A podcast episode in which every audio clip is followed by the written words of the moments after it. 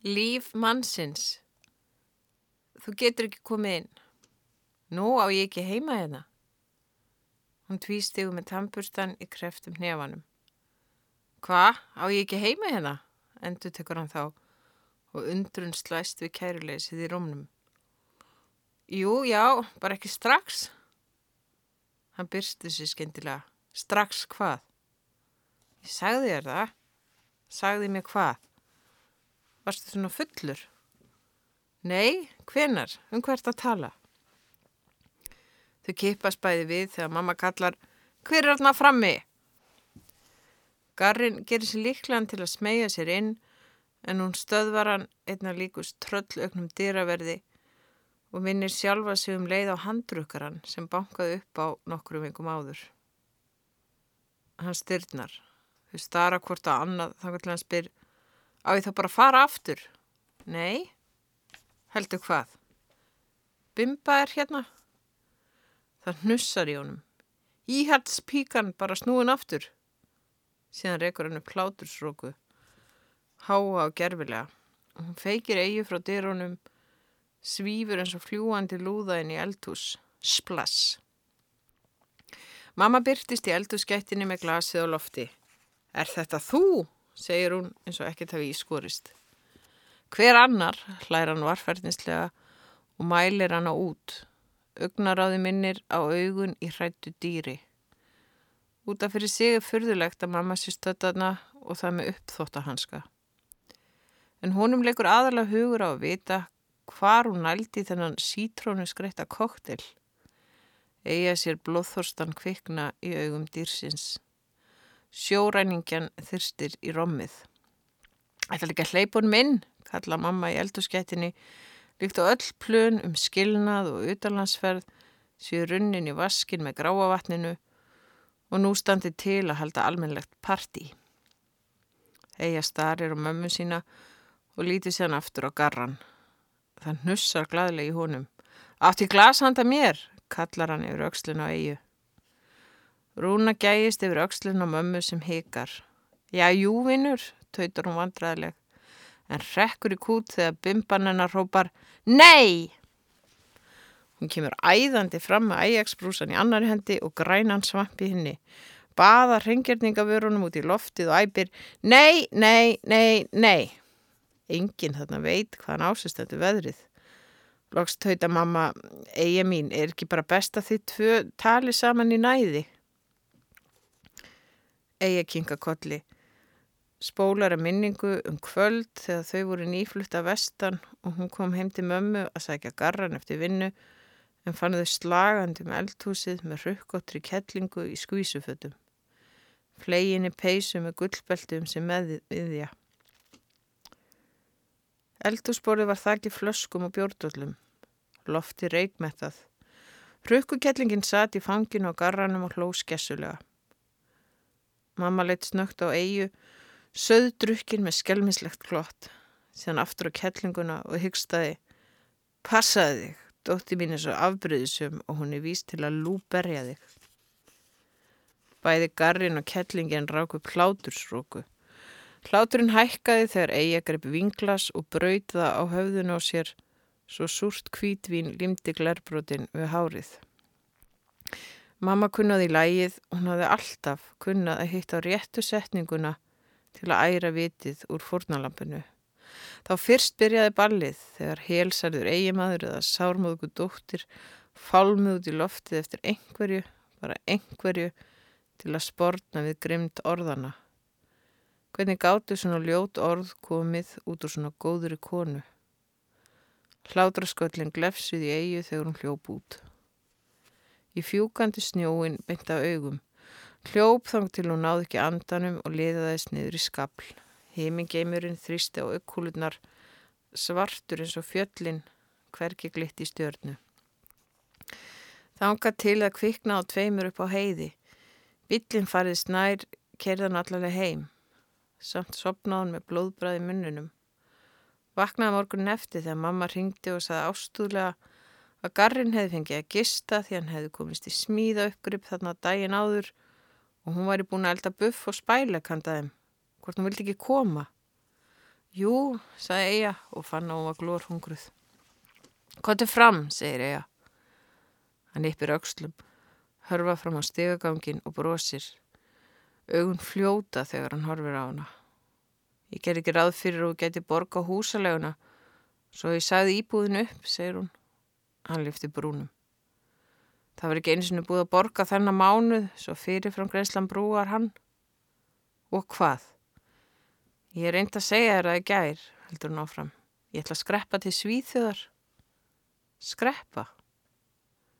Hún fytla við tampustan, segir síðan, já, hún ætla að skreppa þetta aðeins, verða brún og skrifa sögu. En síðan kom hún aftur og þá getur þau fundið nýja íbúð, ábyggla miklu betur en þessa. Blessu góða, verðtu einlegari við okkur bæði, hlær hann, en hláturinn fjarar út í kjökri. Blóðsprengt augun starra ráðvilt á hana, eins og þau hafa alltaf gert frá því hún slísaðist í fyrsta skipti heimugunum eftir ball og hann greip fyrir andlit sér þegar hún fór daginn eftir og saðist deyja ef hún kem ekki aftur. Hún trúð honum. Hún býtur á jakslinn og segir, ég er einlæg. Hann hlær ennþá herra. Það högtur í láturinum þegar hann veiði pípunum úr jakkanum og kindur hann með augun límt við hana.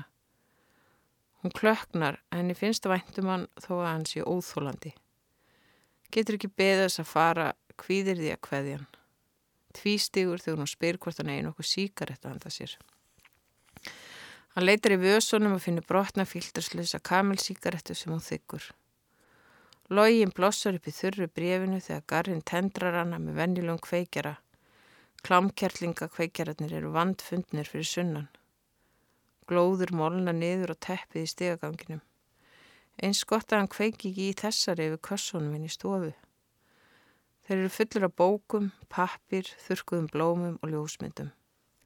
Hún hefur stundur rótað í þeim þegar hann er ekki heima. Og hvað, er kvótapíkan búin að heila þú þig? Hún er enginn kvótapíka. Hann segir að henni sé frjálst að trúa því sem hún vilji. Starir í gegnum hana þegar hann spyr hvort það sé eins og honum sínist. Skíðafríkið er líka búið að planta sér hana. Rúna er hérna, já, segir Eija svo hann afmyndast að hlátri. Hún verður að muna alltaf góða við hann til að segja ekkert sem hún kemur til með að sjá eftir í Svíþjóð. Hann gefur henni kaffi á mótnana og hvetur hann til að skrifa því hann skilur hvernig það er að þurfa frið frá heiminum. Hann huggaði hana þegar engin annar gerði það. Í einum kassanum er ljósmynd á honum þegar hann er lítill strákur. Fimmar og pjakkur með fallegt brós og þetta augnaráð eins og ég hrættu dýri. Littli strákurinn siti með tæran bláma að baki sér, andstætt bakurinn hans. Hann var grár, þar var slegist og drukkið, þar gerðust hlutir sem fengur lítinn strák til að grúfa sig úr hann í kottan. Strákurinn var svo hrættur við áfengi að hann smakkaði það í fyrsta skipti átjan ára og fann um leið hvernig Guð kisti á hann um kollin og fyllt hann ómútstæðilegri frelsistilfinningu. Hann vissi samt, saði Garrin lungu setna, að áfengi getur látið góða mannuskurkir á vonda hluti. Viðbjöðslega. Átjan ára hljópan marathón á hverjum degi með vindinni fangið 10 kílometra til að sigra sjálfa sig. Fíknin var á undan í mark. Núna er hann orðin þessi maður sem getur ekki litið út um stofuglugan að hans að fyllast yfir þegar maður þörfa að hendast og allræmda krá niður á höfn.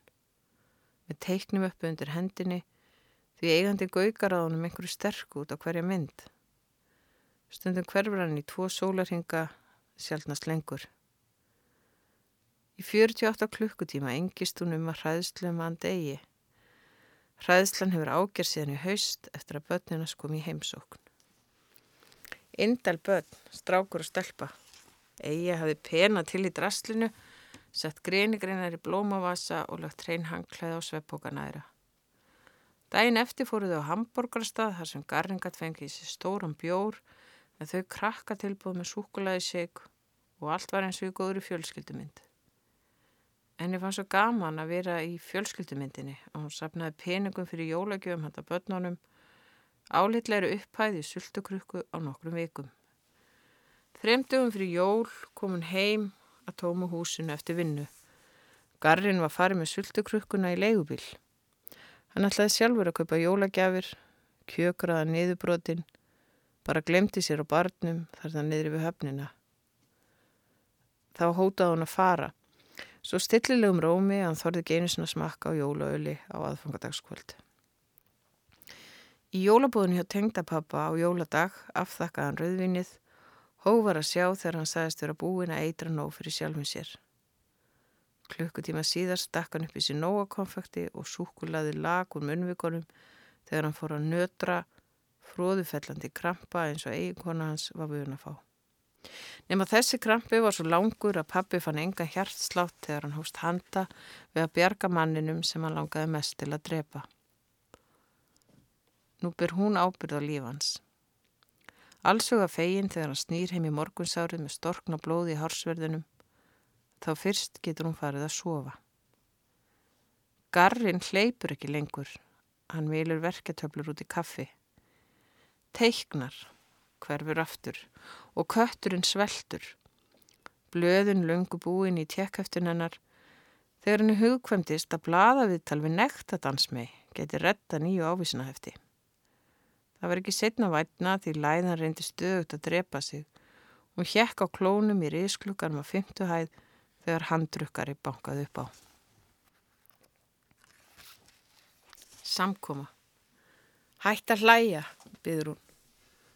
Hann þagnar. Horfir á hana, býður átækta. Ég, segir hún. Já, ég þarf að komast burt til að hugsa. Því ég er búin að vera svo hrætt. Hver er ekki hrættur? Manstu þegar handrukkarinn kom? Þú sagði mér bara frá honum. En að koma að hitta þig, tvísvar. Hann kemur ekki aftur. Hvernig get ég vita það? Allt í einu grýpur hann utanum hana, hratt og klunnalega. Hvíslar hann lofið í að þessi náungi komi aldrei aftur. Hann skulle sjá til þess, bara ef... Eia mín, eia rífu sig frá honum. Á miðri skurinni stendur ammennar með djúpa áhyggjurhukku og starir á garan. Hann drúpir höfði, snýst um sjálfan sig, bosma mikill í skítugum kraftgala og stingur pípunni hratt og hann í vasan áður en hann býður góðan daginn.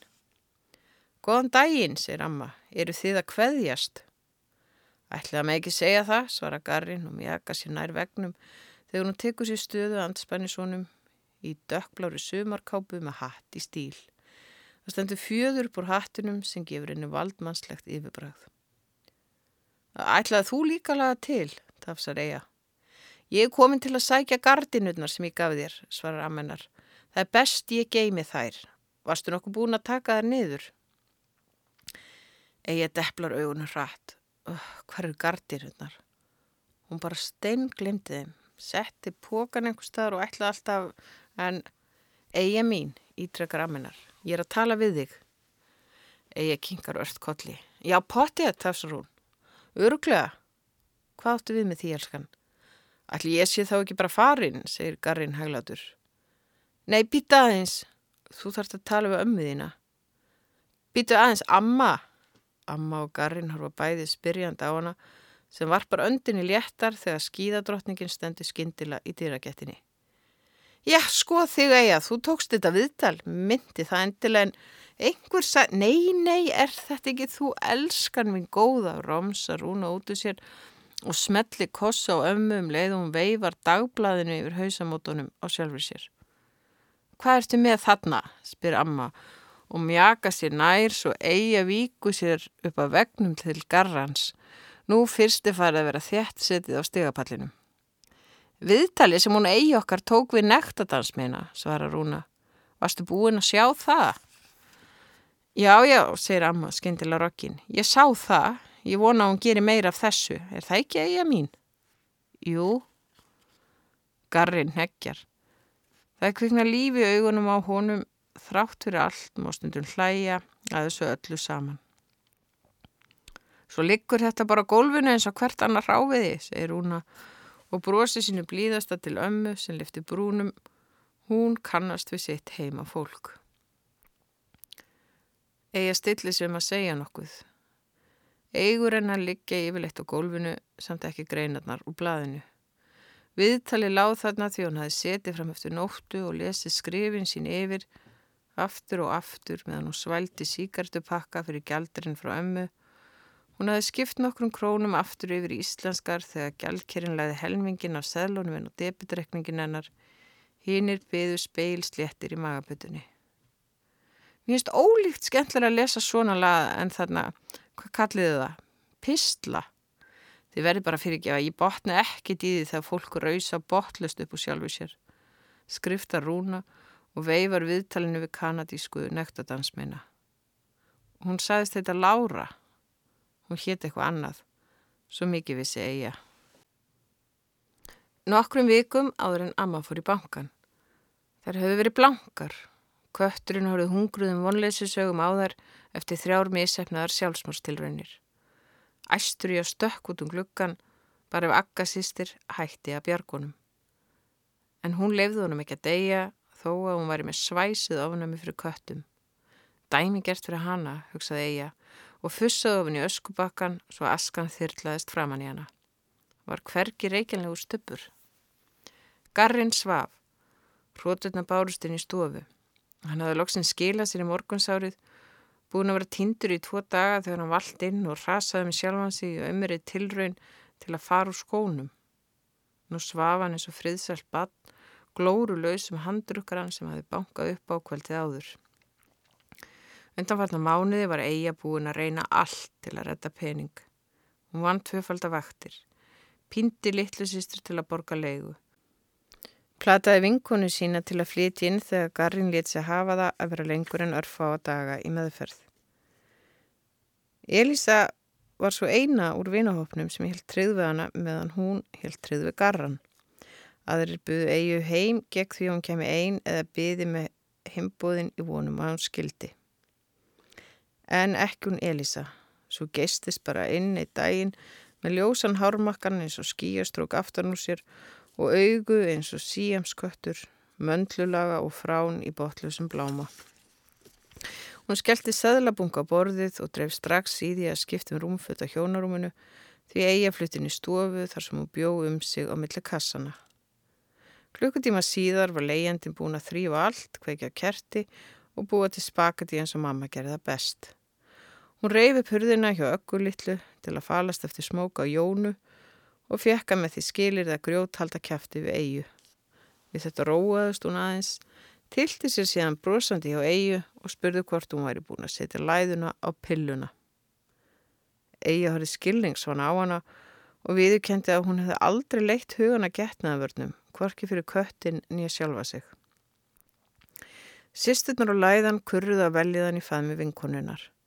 Þær beldi svo út af full, fullorðinsmatnum hennar og kvöttana til að fara að vinna í bíómyndum því dugnaðurinn myndi báður og móðusistur þeirra sem leikstir í bíómyndum og kunnugir söðu fulla af breyðafjörðarilsku. Aðdána verðum eiginleika sem gekk í ættir í móðurfjölskyldu þeirra. Elisa var búið með mentó og Akka fyldist upp veðru með henni var hann að spá alvarlega í að klára stúdentinn til að geta valið sér framtíðins og morgunkott í stórmarkaði. Ég vil eigi að velti því fyrir sér. Um stund létu þessi dreyma um framtíðina, þá fyrst og fremst innflutningspartíið sem Elisa ætlaði að halda með pomp og prakt. Auðu sístrana stækkuð þegar hún sagðist ætla að taka forskot á sæluna og sína úrvala Eurovision upptökum, 20 bestu laugin síðasta áratíðin, hún ætti upptökur allt frá því gleðibankin hefði verið síndur. Þá heyrðist þrusku út í tinnar. Garrin var komin heim fallin úr meðferð einaferðin enn. Hver er þú? spurðan í Elísu sem svaraði með þjósti og hún hefði kynnt sér fyrir löngu og nefndi ekki endur taka þó að hann hefði verið ofullur til að meðtaka nafnið. Ega stökk fram til að afstýra frekari orðaskilmingum en það voru sent. Viðkynning tvö hafði mistekist. Elísa hvæsti. Ég held að hann kæmi ekkit aftur. Ega hvistlaði. Ég sagði það aldrei. Elísa hvæsti. Hvað sagður þú þá? Eða kvíslaði, bara hann væri í meðferð. Elisa kvæsti, hvað er hann þá að gera hér? Já, hvað var hann að gera þarna? Mátt var hann að glott líkum varir garrans. Hann sagðist var sakna eigu sinnar, svo hann ákvaði að flýta sér til hennar. Um kvöldi laumaði skarrin burt með partisjóðin í bleikum glimmerspari bauk undir arminum og smassaðan á kranni niður yfir höfn. Dægin eftir þurfti Elisa að fá lánaða peninga fyrir snakki, kyrraafs ávöxtum og kirsubæri vodka. Hún yrti ekki á eigi maturubúðinni, heldur ekki að leðinni heim þegar það þrættu hvort sína gangstéttina með nýðhunga póka. Nokkru síðar týndust vinir þeirra inn elegant strákar sem blésu skríkjandi í blöðrur og sungu í hárbustanarnar Elisu. Mættir í geimið og dilluðu rassinum fram hann í garran eða svo síndist honum. Afmyndaður að grettum þegar sá sem Elisa kynnti sem sænskan dansara baðnum að lána sér glært naglalakk því það róaði taugarnar að lakka neglurnar þegar þau veldu besta lægið. Strákarnir flissuði í laumi af fríkinu sem jafnlaði á pípunni í brákuðum hægindastól búin að lofa bót og betrun eftir að hafa oltið inn snemma morguns og vart flykt sér í hjónarúmið ofan á Elísu sem öskraði svo ánvist röttina. Hún gæti ekki eins og sungi með píkupoppinu eins og Garin kallaði það og hunsaði hann algjörlega meðan hún serveraði koktela, skrúfusnakk og niðurskori mango. Hann kærið sér kollóttan, söpra á klamkellingabotlanum sínum og bandaði blöðrúnum frá sér Þanga til hann var allt í norðin manna æstastur yfir eurósku poppurónum og vinirnir uppgötuð að kirsuberjavodkað var búið. Það kyrði endalum þverbag þegar Garrin ældi út úr sér hann botnaði ekkit í hvað hommar fengjúð úr austantjaldshórum að glenna á sér róttuna. Dæin eftir flutti Elisa út. Uppspretta peningana var þurrausinn, líka vinahópurinn. Egi hafði staði ráðalauðs fyrir framann handdrukkaran. Þetta var síðarðu gaur í leðubuksum og svörstum stuttarmaból með íspjarn og tönn í ólum hálsin. Svo sem ljúfi við hana en erfitt að segja til um hátterna hans ef garrin hefði verið heima. Það fór samt ekki að milli mála að hann var mættur í þeim erindagjörðum að endurheimta peninga, ósýnilegs kuna, helst með vöxtum og vakstavöxtum. Eh, hvað var hann að kaupa? spurði hún eins og fárálingur. Handrukkarinn blikkaði hana, svo þölvanur tungutaki líkamanns að henni skildist að það væri ráðlegast að spyrjast einskis. Flíkti sér bara að skrifa gummitekka, nógu græskuleust til að trúa handrukkarinn fyrir því að bladið væri innistæðileust en þó lámark strygging, bara ef hann gæfi henni nokkra daga til að retta málunum. Sem hann gerði.